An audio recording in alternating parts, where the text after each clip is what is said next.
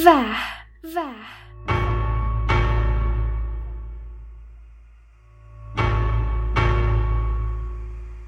iPhone amansızca basılır.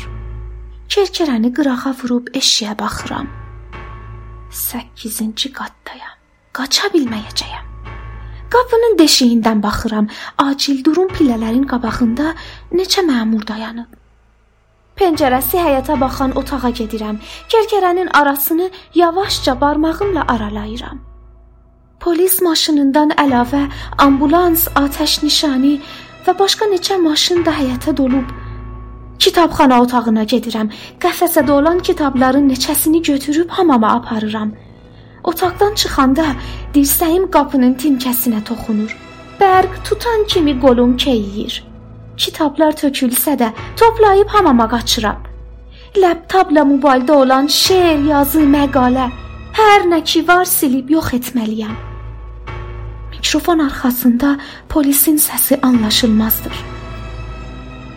Keçən seri neçə il zindan yesəm də bu seri başıma nə oyunlar gələcəyini bilmirəm. Daha iPhone-u basmırlar. Apartmanın pillələrindən yuxarı qalxıb qapının arxasına toplanıblar. Yumruqlayırlar. "Aç, tez ol!" səsi içində kerkərə arasından gözlərimi süzdürürəm. Hamamda yanan kitabların tüstüsü hal və otaqlara süzür. Laptopu arxa pəncərədən aşağı atsam, bəlkə rəmdən yazıları çıxarda bilərlər.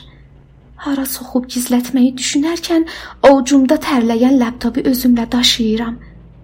Məhəvvətənin həyatında böyük döşəklər döşəyirlər. Başa düşə bilmirəm. Keçən həftə yazdığım yazı o qədər də təhlükəli değildi. Bu cür məndən qorxmalarının nədənindən, bu sayaq axmaq və bekar olduqlarından heç baş açmıram. Hamamdakı kitablar yanmaq üzrə ikən qapı çərçivədən sınır. Daldala gedib duvara dayanıram. Evə tökülürlər.